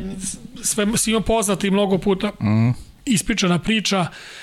Tako da treba da smo srećni i zadovoljni da uživamo u ovom trenutku i da iz njega izvučemo maksimum tako što ćemo postići najbolje moguće rezultate, tako što ćemo nastaviti napred, tako što će naša reprezentacija i dalje biti u samom vrhu svetskog vaterpola, a onda ćemo imati i one posledice, odnosno sve ono prateće što bi želeli da imamo. Mm -hmm. Miša iz Niša, pozdrav za mog prijatelja Sora, jedno pitanje. Kada bi bio igrač, a ne golman, koja bi to pozicija bila? Pozdrav sve najbolje mom prijatelju, kaže Miša. Ovo, Naš kome se radi. Mislim da znam ko je. Da, pozdrav Miši. Uh mhm. -huh o, zaigrač iz Partizana pre koliko je to, 10 godina. Prepostavljam da bi zbog neke ovaj, građe i, da kažete, neki fizički izdržljivosti je bio neki bek. Uh -huh, uh -huh. Bek koljač, ne znam. bek koljač. Tako Dobro. Nešto. Mada sam voleo, ovaj, voleo sam da šutiram, to je ono čuvena golmanska boljka. Aha. Svi mi golmani volimo ovaj, da, da šutemo na go jedan drugome. I jedno vreme sam onako, dok me služilo desno rami lak, dok se nije ovo iskrivio, nije to bilo uopšte loše. I sada sam par puta im pala pamet, mada u bazenu uopšte ne skačem, sad Aha. sam u zadnjih dve nelje sam dva puta plivao nešto malo posle pola godine i sve bih tamo prešao ovaj, kod mojih u, u, u među, među stativa, ne da brajim, nego da šutem koji put i kako to izgleda, ali ipak sam izabrao opciju da se ne mešam sa sa ekipom i da bude onako da na neki način distanciran jer ovo moje ovaj moje postavljenje, ovaj moj posao koji radim, mislim da ne bi trebalo da, da imam tu vrstu komunikacije sa njima. Mislim, dovoljan podatak da evo, od početka tamo negde u septembra sa svim tim mojim bivšim saigračima iz reprezentacije ili iz kluba nisam sa popio kafu, tako da ne mm -hmm. zato što više nismo dobri, to što nije slučaj, nego je ovaj, jednostavno posao i nešto lično, ne želim da, da mešam na taj način uh -huh. i mhm. da posle to bude neko opterećenje. Dobro, ja znam da svi golmani vole da šutiraju, ali samo šef ih daje golove, čisto, čisto da se zna. samo šef ih ovaj, lomi prečke. samo šef lomi prečke. Aleksandar Milošević, naravno, ne može da prođe emisija bez e, njenih pitanja na početku sezone u jednom intervju izjavio da svim momcima koji su pokoleni porenje u ovom Beogradu želi da ta priča potraje. E, da li da li veruje da će ova priča, pa to si malo preko, da ja stvarno želim da potraje, kažem, sa mnom ili bez mene, uopšte ne vidim sebe uh mhm. -huh. kao nekoga koji u toj priči i kao neko ko je direktno uključen ili zainteresovan da bude svega, deo svega toga. Mislim da je to nešto, ponovit ću još jednom, klub kakav srpski vaterpolo zaslužuje, kakav je trebao da ima mnogo ranije i želim, evo, da ne budemo a, sami u, u tome. Uh mhm. -huh. Znači, želio bi da nas neko da neko pokuša da nas stigne i eto, neka nas i prestigne. Uh mhm. -huh. Ali ono, neka, neka budu bolji, ali neka se potrudi, neka naprave klub kakav je napravljen na, na bazarima Vlaho Orlić. E, koliko je česta promena trenera dobra za jednu ekipu? Naravno, aludira se na sve što se dešavalo u Novom Beogradu ove godine. Na kraju sezona ćemo znati šta je dobro ili uh -huh. nije mhm. dobro. A, nažalost, desilo se to već u, u dva navrata su promenjeni treneri. A, odluke su bile da li s jedne i s druge strane ili u dogovoru, opet ja ne bi ulazio u te detalje, ne bi se time bavio, sigurno uh mhm. -huh. za ekipu nije lako kada se tako nešto dogodi, ali uvek je reakcija ono što je bitnije od same promene trenera. Ako ekipa odreaguje na pravi način, tada je ta promena imala smisao, a ako se ne desi, onda ona nije. Međutim, mislim da evo, posle osvojenog prvog trofeja, i načina na koji ulazimo u završnicu ove sezone, mislim da je za sada su te dve promene urodile plodom. Uh -huh. Kaže, za razliku prethodnog gostovanja, sada si u Vatrepolo penziji i imaš pitanje šta radiš sada kada u slobodno vreme, da li gledaš neki drugi sport Gledam samo sport, pratim, Aha. sinoć Liga šampiona i prek, sinoć futbal, ali samo nije mi on ovaj, ono kao nešto što je osnovno za praćenje. Volim košarkašku Euroligu. Mhm. -huh. Žao mi je ovo što se izdešavalo sa ruskim klubovima i način na kako je, ovaj, kažem, Euro, Euroliga promenila format, može i to da se slobodno, uh -huh. da, da, da se tako ovaj, nazove. E, treniram prilično redovno, 4 do 6 puta nedeljno. Uspeo sam da dobijem nekih između 3 i 5 kg za godinu dana, što je za mene veliki uspeh u smislu, da, znajući da. ove moje. Pa dobro, da, prolaz. znajući neke, da. Da, tako da sam sad u fazi, idem, vraćam se unazad. A šta ovaj. treniraš? Kad ne skačeš u vodu? Da, i kombinuo sam cross, crossfit i pilates. Aha. Crossfit malo za neku snagu i kondiciju, a pilates da ovo naše leđa uboga iz bazena malo da ih sačuvam i uh mhm. -huh. da se ojačam. Sad sam malo nešto promenio, opet sam počeo malo da trčim neće biti maraton kao što je bio 2017. pošto nisam krenuo na vreme, ali... A i si istrača ceo maraton? Da, 3.58. I smo beše pričali o tome, možda i jesmo. Nismo. Jel nismo, a? Eto vidiš, ne znam tu tvoju pasiju. Mislim da je Kuljača spomenuo to. Kuljača spomenuo, aha, moguće. 3.58 si trčao, Da, 3.58, 52. 3.58, 52, znaš i vreme. Znači, čekaj, hoće da istrčiš ponovo još neki maraton? Ne znam, nisam krenuo na vreme sa pripremama, posle tog prvog istrčanog, onako prilično mi se zgadilo trčanje. Mhm. Uh -huh. I... Pa ja nisam sve zajedno 4 sata u životu trčao. Šalim se, naravno, ali... Ne, ti kažeš. Ali, ali svaka ti čast. Ne, ne bi se hvalio da sam ne, ne hvalim se, samo kažem. Šta ali radim, to je moj život. možda ću i ponovo nekad, ali kažem, nije mi, još ne osjećam se dovoljno spremnima, to treba više u glavi da se donese odluka nego uh mhm. -huh. što se to odnosi na taj fizički deo. Ipak je ovaj maraton je većim delom mentalno nego da, da, mada fizički izuzetno iscrpljuće i baš onako a, obogatio sam sebe životno zahvaljujući toj maratonskoj trci. Bravo. A kaži mi kako se pripremaš za to? Koliko traju pripreme za, za maraton? Koliko se razlikuje od onoga što je neki tvoj običajni trening? Pa ja sam ušao u neki program koji traje 18 nedelja, ali sam preskočio prvih 11. Mada sam ja trčkaro tu i tamo, ali ne u toj meri. I ušao sam u tih zadnjih 7 nedelja, sam se ovaj, pripremao intenzivno, istočao sam skoro 300 km Uf. u tom periodu. Recimo, sveća se prva nedelja mi je bila 13, 15, 13, 29. Aha. To je recimo bila prva nedelja. Pa to je ono, ponedeljak, utorak, sreda, četvrtak. Ponedeljak, sreda, petak, Aha. subota. Uh mhm. -huh. Tako je bilo, da. Ili ne, ponedeljak, sreda, četvrtak, subota. Uh mhm. -huh. Tako sam trčao. A onda sam išao do 34, ja mislim bilo najviše u tom nekom pripremnom period išao, krenuo sam sa 25. maja, pa sam došao do Ade, pa mislim dva i po kruga na Adi, pa onda sam se vratio nazad. Da, to je neki 14 km na Adi, recimo. Ada je 8. Os, da, 16 km, bravo, da, 8. I jest. još pola, neki 20 sam istočno na Adi, ali sad da ne nabraja, uglavnom je u jednom momentu sam se osetio, to sam često, ovaj, to sam ukrao od, od boksera, oni to kažu kad dobiju udarac u pleksus, kad ostanu bez vazduha, uh mhm. -huh. ti daješ Bogu dušu, on je neće. Tako da se ja osjećam zadnjih 5 km. I onda su me pitali što sam zelen kad sam stigao, ali dobro. Stigao sam, pomislio sam više, neću to nikad sebi uraditi, ali evo, kako vreme prolazi, negde se ta ideja vrti, pa eto, možda će se ponoviti. E, ima još nekog interesantnih pitanja. Ne možemo ti ja pričamo bez dva sata, to, to, to je činjenica. E, kaže, bio jedan od ljudi koji su otvorno govorili o problemima u Partizanu. Kako danas vidi situaciju u tom klubu?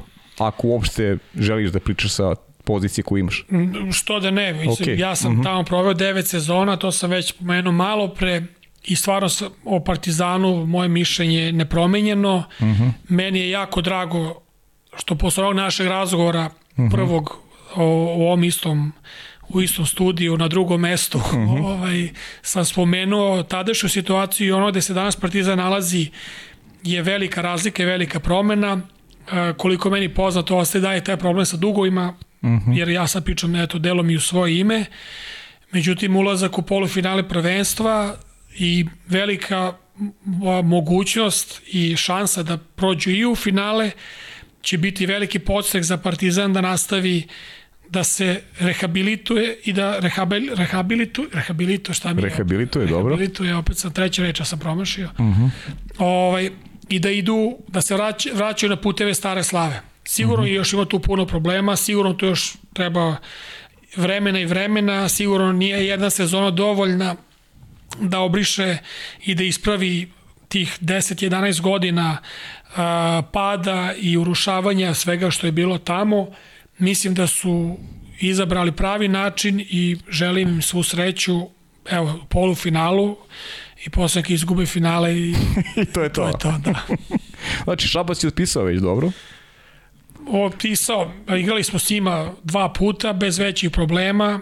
Šabac je nisam gledao utakmicu, ali koliko sam čuo zasluženo eliminisao da, Zvezdu iz, iz polufinala. Po meni Zvezda bi nam bila teži protivni, na kraju čak smo jednu utakmicu izgubili od Crvene zvezde. Uh mhm. -huh. Nisu nam, Zvezda je izuzetno nezgodna ekipa na način uh, njihove igre koja je onako dosta nedefinisana i ako uđeš u to neko, u, u taj neki lov u mutome, možeš da izađeš kao lovina, a ne kao, lovina, da. a ne kao lov. Pa evo videli smo, sad je rekao. I mutan, i možeš i mutan da, izađeš. Rekao je sada ovaj, bio na granici da im se to desi. Jeste, jeste. Dobro utakmice zvezde. Da, tako da eto, ne pričam to bez veze. A Šabac je, bez obzira na na to što su pretrpili velike promene u igračkom kadru i u trenerskom, uspeli su da ostanu u vrhu, jer su, da kažem, ajde, vratili su se korak nazad, korak nazad nisu ostali u toj trci odnosno nisu ušli u trku sa nama, s Novim Beorodom i sa, sa Radničkim i sa Crvenom zvezdom i sa Partizanom što se tiče ulaganja. Mislim da njihova ekipa uh, košta manje, ali eto, rezultatski uh, mi je drago što su uspeli da da uđu u polufinale. Znam da Šabac radi kvalitetno sa mlađim kategorijama, da tamo beleže uspehe i drago mi je što uspevaju da održavaju taj neki kontinuitet i da je Šabac stvarno postao vaterpolo centar, e, jedan od centara u Srbiji. Bravo, kad smo već kod Šabca, ja, ja im čestitam, to sam zaboravio s početka, ostanak u regionalnoj ligi. Prošli su protiv Alisa u tom dvomeču i znaš šta sam uradio pre jedno dve nedelje? Proglasio sam uh, polufinale Novi Beograd Crvena zvezda i, i Partizan Radnički. Pa pogrešio si. Ne da sam pogrešio, nego ne mogu da verujem da sam totalno onako, ja sam prevideo da tek treba da se odigraju revanši jer ja sam negde u svojoj da, glavi da, projektovo da je to tako i onda sam morao šalčima da se izvinim, još mi nisu ovaj, dostavili da li su prihvatili izvinjenje. ja kažem, neću da, ja sam sad rekao finale za finale, ali e, ne, ja upravo sam govorio afirmativno i pozitivno vezano za Šabac, ali ono kao što sam i od od početka ove sezone svaku svoju izjavu vezano za očekivanje i rezultat ekipe mm -hmm. Novog Beograda sam bazirao na, na sportskom kvalitetu igračkom koji posjedujemo. Mm -hmm. I za mene bi bilo uh, ne bi bilo ozbiljno i zvučao bi nefer i nekorektno ako bi rekao da mi nismo apsolutni favoriti i da mi nećemo igrati u finalu prvenstva i isto tako biti u finalu prvenstva. Uh -huh, uh -huh. Jer kad imaš takvu ekipu kakva je naša ekipa i kakav je klub, mislim da jeste druga priča u Lige šampiona, ali što se tiče domaće scene, bez obzira što smo doživjeli poraz u, u finalu kupa, moje viđenje i moja predikcija svake utakmice je ista. Uh -huh. e, Aleksandra kaže kako je bilo u Indiji, može li nam više ispričati o razlogu posete? U Indiji je bilo drugačije. Uh -huh. e, opet neka, neko novo životno iskustvo. Meni su eto te neke egzotične destinacije malo su mi, hoće me kao da su mi suđeni posle Brazila sam završio u Indiji. Uh -huh. a, trenutno sam, ajde da kažem, vođa projekta oporavka ili vraćanja indijskog vaterpola na, na svetsku mapu. Uh -huh. a, poslao sam dva trenera o, koji su odradili dva meseca priprema sa indijskom reprezentacijom. U pitanju je Nemanja Andrić i Miša Babović, Nemanja Andrić je iz Subotice, naš trener koji je bio jedno vreme trener Šapca, a Miša Babović je, ona kažem, stara garda, jedan crnogorski trener iz Herceg Novog, možda manje poznat današnji vatrpo publici, ali ovima starima je tekako poznat. Uh -huh. Oni su završili tu prvu fazu koja je trajala dva meseca i vratili su se sa izuzetno pozitivnim utiscima i po pitanju urađenog i po pitanju odnosa ka radu i naravno postoji tu dosta i i nekih i zamerki i stvari koje nisu na nivou kako bi trebalo da bude, ali to je stvarno tek neki početak. Uh -huh. uh, idemo dalje, nestajemo sa, sa tom pričom. Uh, u septembru su azijske igre u, u Kini naša želja da Indija bude reprezent, reprezentato, reprezentovana. Šta je ovo više? E, možeš malo da je malo. Dobro. E, ali nećeš, znate. reprezentovana na što je bolje mogući način, a po meni to je da se upiše jedne ili dve pobede, jer je Indija posle 83. godine, 82 kada su osvojili bronzu na azijskim igrama, posle toga više nemaju mm -hmm. nikakav značajni rezultat, a nikako neće biti lak taj posao s obzirom da imamo jedan Japan, Kinu, Kazahstan, Iran, a, su sve neke zemlje koje imaju a, iza sebe dosta godina a, rada i ulaganja u vaterpola. Mm -hmm. Znači, indijska priča tek sad kreće, da ne nabrem sad koji su tamo sve problemi i, i bazeni koji se ne greju i samim tim nemogućnost treniranja tokom cele godine, ali nadam se da će to malo da se promeni i da će se stvoriti uslovi, da će se eto otvoriti još jedno tržište za vaterpolo i još jedna liga i možda jednog dana još jedna reprezentacija koja će biti od značaja na, na svetskoj sceni. Da, zanimljivo zvuči, a neko se prirodno nadovezuje o pitanje Aleksandrino, kakvi su Indija, Bengalur, kako ti izgledaju, šta ti utisak ono naj, naj, najjači? Ma no, ali to igra velike brojeva. Mislim, uh mhm. -huh. stvarno veličina ta zemlja nama neshvatljiva i oni su, ja mislim, sada negde na 20 miliona su iza Kine. Znači, oni su tu, prestižu Kinu i vrlo brzo će da je prestignu.